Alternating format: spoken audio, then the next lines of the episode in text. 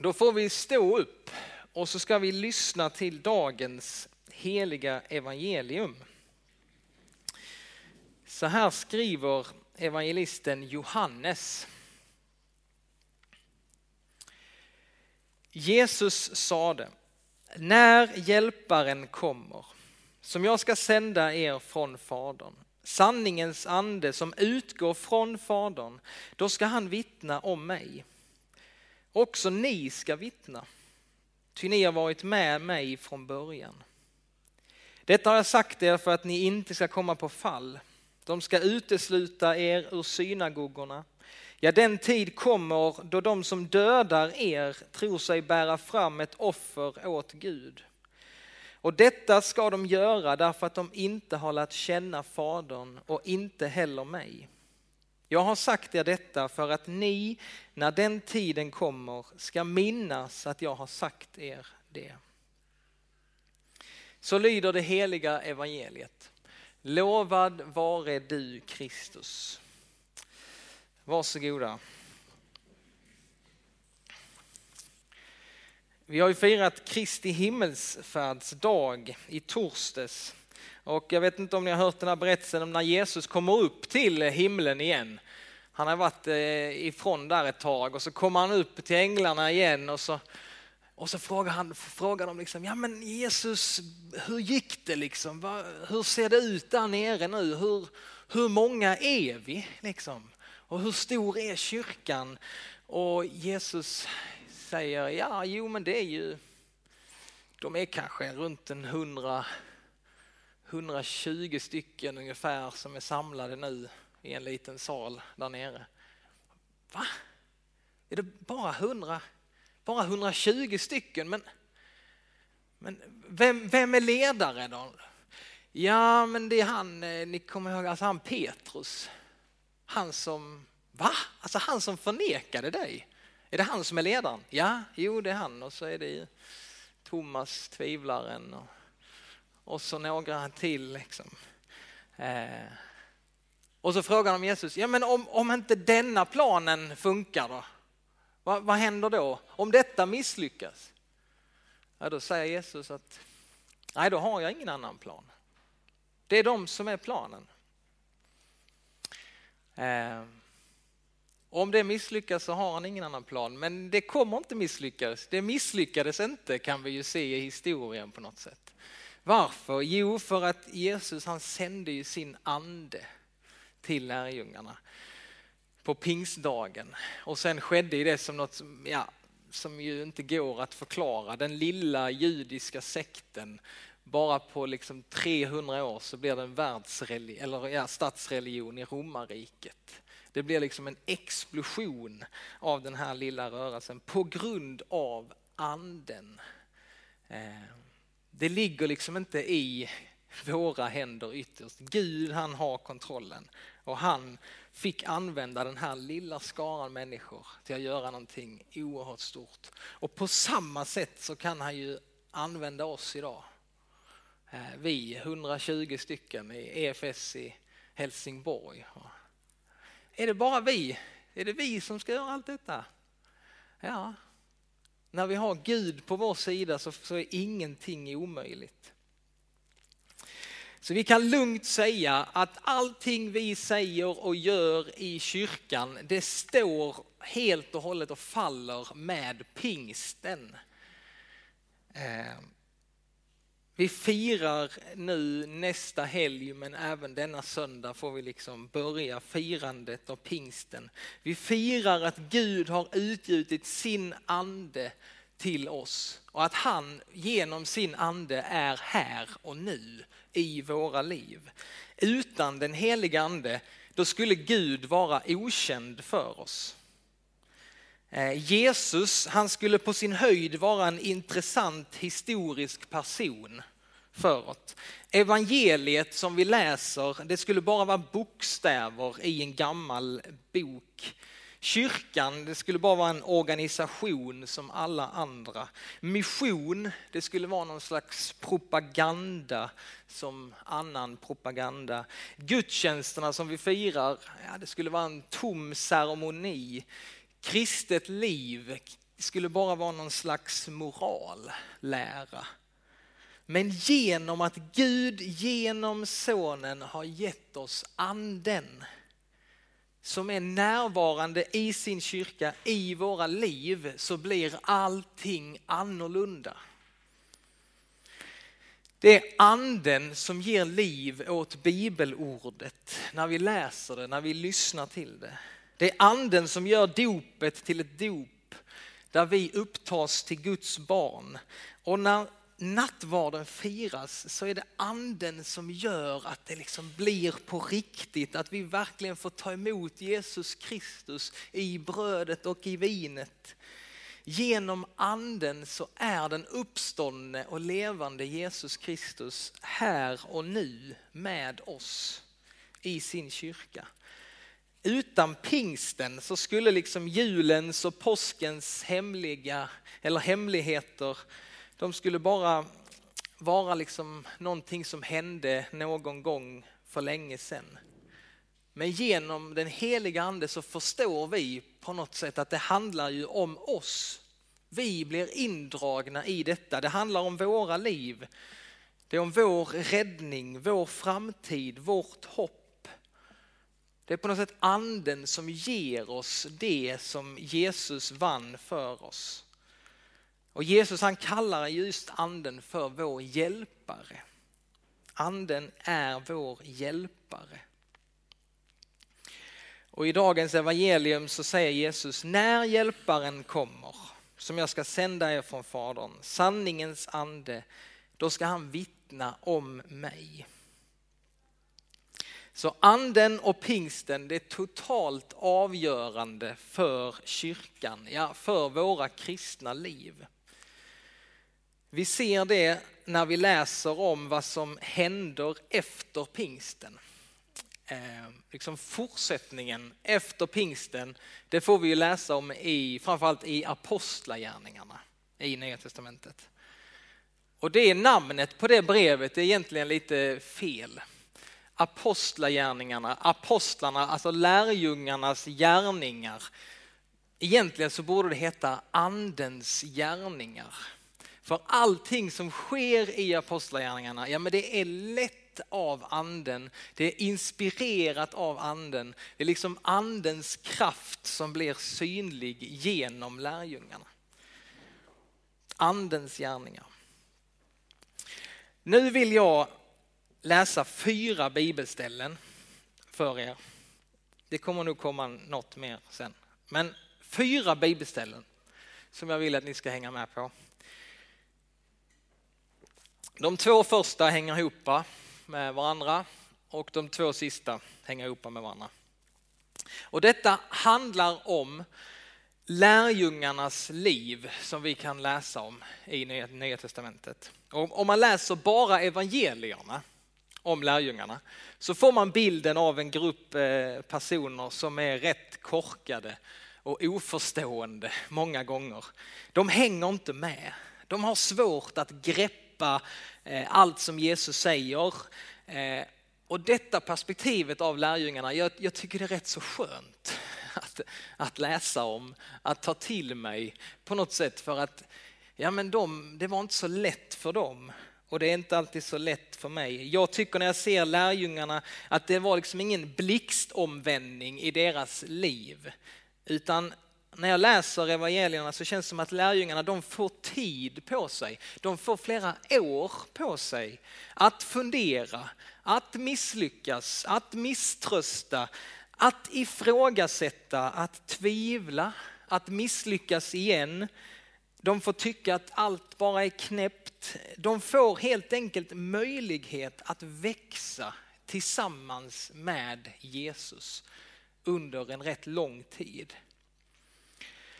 Och berättelsen om lärjungarna slutar inte där i evangelierna. Att de bara är oförstående och tvivlande och lite misslyckade lärjungar. Det slutar inte där. Utan i apostlagärningarna så får vi fortsätta läsa om lärjungarna. Va? Och vi får se hur, hur de på något sätt genom lång tid har blivit förvandlade av Jesus, genom att umgås med Jesus, ja kanske framförallt genom att få ta emot den helige ande, så har de fått växa i sin tro. De har liksom, får, eh, ja, blivit liksom mognare i sin tro. Och det finns ju, jag tror säkerligen att det är inte liksom så för dem att de aldrig tvivlar mer eller att de aldrig misslyckas mer. Så är det inte, det tror jag inte. Men de får växa. Och det finns ju där för dig och mig också, att vi faktiskt kan få växa, vi kan få mogna, vi kan få gå framåt. Okej, då kommer första bibelordet. Är ni med? Kom igen. Är ni med? Ja, det hänger lite på det liksom. Eh, ifrån Lukas 23 så läser vi vad Jesus säger när han hänger på korset. Han tittar ner på sina bödlar, de som hånar honom, de som har orsakat honom så mycket lidande. Och så säger han, Jesus sade, Fader förlåt dem, för de vet inte vad de gör. Och detta är helt liksom oerhörda ord. Det är helt oerhört. Vem kan göra något sånt? Vem kan under fruktansvärda lidande förlåta sina bödlar? Jo, det är vår Gud. Det känns omänskligt men vår Gud han kan när man pressar honom liksom till det yttersta. Så det enda som kommer ut ur honom det är kärlek. Han älskar oss människor genom allt. Det är vår Gud. Och så vill jag att vi läser ifrån Apostlagärningarna, Andens gärningar kapitel 7, vers 60. Och här har vi berättelsen om Stefanos den första kristne martyren som dör för sin tro på Jesus. Och de samlas runt honom med stora stenar och så stenar de honom till döds. Och då läser vi Stefanos, han föll på knä och ropade högt.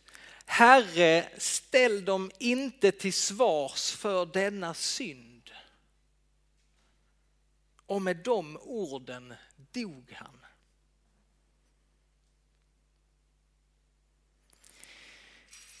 Vi läste i dagens text hur människor kommer förfölja oss och till och med döda oss för vår tro. Hur är det möjligt att i Stefanos situation, i den stunden när han måste ha varit livrädd, han måste ha plågats av stenarna mot sin kropp. Hur kan han uttala dessa orden? Herre, ställ dem inte till svars för denna synd. Och svaret på frågan som jag nu ska ställa är ju självklart, men jag ställer den ändå. Vems ande uppfyllde Stefanos i den stunden? Vems ande? Jo, det var Guds ande. Samma ande som fanns hos Jesus finns nu efter pingsten i lärjungarnas liv. Stefanos han fick kraften att göra det som Jesus gjorde. Till och med liksom förlåta sina bödlar. Tredje bibelordet ifrån Markus 5 Jesus han är på väg hem till en flicka som har dött. Han ska gå hem till hennes hus. Och vi läser, sedan lät han ingen mer än Petrus, Jakob och hans bror Johannes följa med. Och de gick hem till föreståndaren. Där såg han upprörda människor som grät och klagade högt. Han gick in till dem och sade, varför ropar ni och gråter? Flickan är inte död hon sover. Då skrattade de åt honom. Men han körde ut allesammans och tog med sig flickans far och mor och lärjungarna och gick in där hon låg. Så tog han barnets hand och sade Talita kaum. Det betyder lilla flicka, jag säger dig, stig upp. Och genast reste sig flickan och gick omkring. Hon var tolv år gammal. De blev utom sig av förvåning, men han förbjöd dem att låta någon veta vad som hade hänt. Sedan sade han åt dem att ge flickan något att äta. Återigen, detta är vår mästare Jesus Kristus. Han är den som är uppståndelsen och livet. Han har makt att uppväcka döda. Och när han gjorde detta under, då stod Petrus bara några meter ifrån och tittade med stora ögon. Petrus såg allt detta. Han såg hur Jesus talade, hur han, vad han gjorde. Och när Petrus längre fram i livet hamnar i en liknande situation, då kommer han ihåg detta som Jesus gjorde. Och han får göra det som Jesus gjorde. Vi ska läsa vårt fjärde bibelord. Petrus kommer hem till en kristen kvinna vid namn Tabita. Hon var känd för sina goda gärningar och sin frikostighet mot de fattiga. Ifrån Apostlagärningarna 9 så läser vi Petrus följde genast med. När han kom fram förde de upp honom på övervåningen där alla änkorna samlades kring honom och gråtande visade de honom de skjortor och mantlar som Tabita hade gjort medan hon ännu var bland dem. Petrus sade åt alla att gå ut. På samma sätt som Jesus gjorde. Han föll sedan på knä och bad så vände han sig mot den döde och sade Tabita, stig upp. Samma ord som Jesus använde. Och hon öppnade ögonen. Och när hon såg Petrus satte hon sig upp. Han räckte henne handen och hjälpte henne att resa sig. Sedan kallade han in de heliga och änkorna och lät dem se hur hon stod där levande. Alltså man kan ju undra vem som blir mest förvånad. Är det Petrus eller är det Tabita? Va? Funkar detta? Fick jag göra det som Jesus gjorde bara för några år sedan? Så fick jag se Jesus göra detta. Och nu får Petrus göra exakt samma sak. Och jag måste fråga oss igen, vems ande uppfyllde Petrus i den stunden? Jo, det var Guds ande. Samma ande som fanns hos Jesus finns nu efter pingsten i lärjungarnas liv. Och det är så det fortsätter i apostlagärningarna, andens gärningar. Det är så det fortsätter i kyrkohistorien. Att vanliga människor som du och jag, vanliga människor får leva ut Jesuslivet. Jesu liv går liksom på repeat i våra liv. Jesu liv går som repris i våra liv. Så som han levde ska vi få leva. Johannes skriver så här i sitt första brev.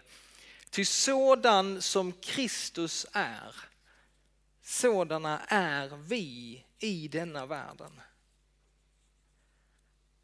Och detta är genom anden som vill leda oss på samma sätt som han ledde apostlarna. Han vill inspirera oss. Ordet inspirera, man hör ju det nästan, va? det är ju kopplat till anden. In spiritus. Det betyder nästan ordagrant att vara inandad av Guds ande. Att få vara inspirerad av Guds ande. För att den anden bor och verkar i dig och i mig. Till slut så vill jag bara nämna något också om profeten Elia i gamla testamentet. Eh, vi har i tisdagskretsen här i församlingen, vi träffas ju varannan tisdag, så har vi gått igenom hela Elias liv under den här terminen. Det har varit en fantastisk eh, resa. Och i tisdags så blev vi färdiga och vi läste om Elias himmelsfärd, passande nog vid, nästan vid Kristi himmelsfärd. Elia, han har det gemensamt med Jesus att han fick en himmelsfärd. Han gjorde det, det var nästan värre än Jesus. Elia, han gjorde det med en vagn av eld på himlen. Och när Elia lämnade jorden på det sättet, då lämnade han kvar sin mantel på jorden. Och Elisha, hans lärjunge, gick och så tog han upp manteln efter Elia och la den på sig själv. Och genom det och andra saker så blev det så tydligt för de andra profetlärjungarna som såg allt detta att nu så finns den kraft som fanns hos Elia finns nu hos Elisha. Och de sa så här till och med nu finns Elias ande över Elisha. Och Elisha blev den nya ledaren för profeterna i Israel på den tiden. Och fick på något sätt fortsätta Elias verk. Men när Jesus lämnar sina lärjungar för sin himmelsfärd, då är det ingen enskild person som får ta upp Jesu mantel utan Jesus han lägger sin mantel, den läggs inte på någon enskild person utan den läggs på församlingen. Det är församlingen som får bära Jesu mantel. Det är, nu är det liksom ingen enskild stark ledare eller person som ska förkroppsliga Jesus. Eh, du och jag, vi får göra det men vi ska inte göra det ensamma. Så spänn av. Slappna av. Jesu mantel läggs på församlingen och vi får vara hans kropp i världen.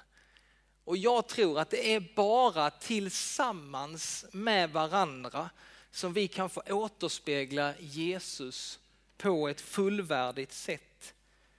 För vi är hans kropp och samma kraft, samma ande som var verksam i honom är nu verksam i hans församling.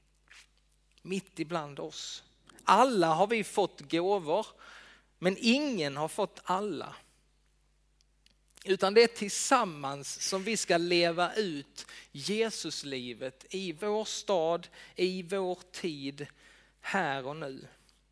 Och då behöver vi leva i andens gärningar. Vi behöver liksom ständigt uppfylla oss av honom. Så för din egen skull, för Guds skull, för vår församlings skull. Be mer om, om, be mer om, ber, be om mer, så stod det. Be om mer av Guds ande i ditt liv. Låt dig uppfyllas av honom. Låt honom få genomströmma dig. Stå inte på avstånd och iaktta, utan ge dig hän. Låt dig beröras, hänföras av honom. Och idag är det ett ypperligt tillfälle att få på nytt bli fylld av den heliga ande.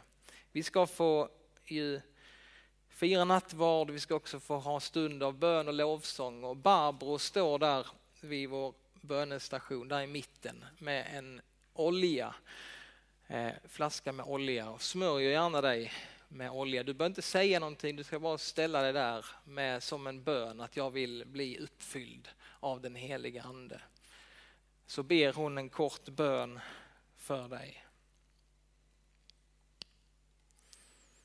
Låt dig uppfyllas av anden.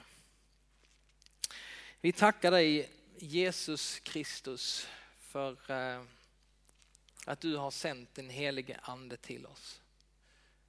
Vi tackar dig för att du är här och vi vill välkomna dig just nu, helige ande.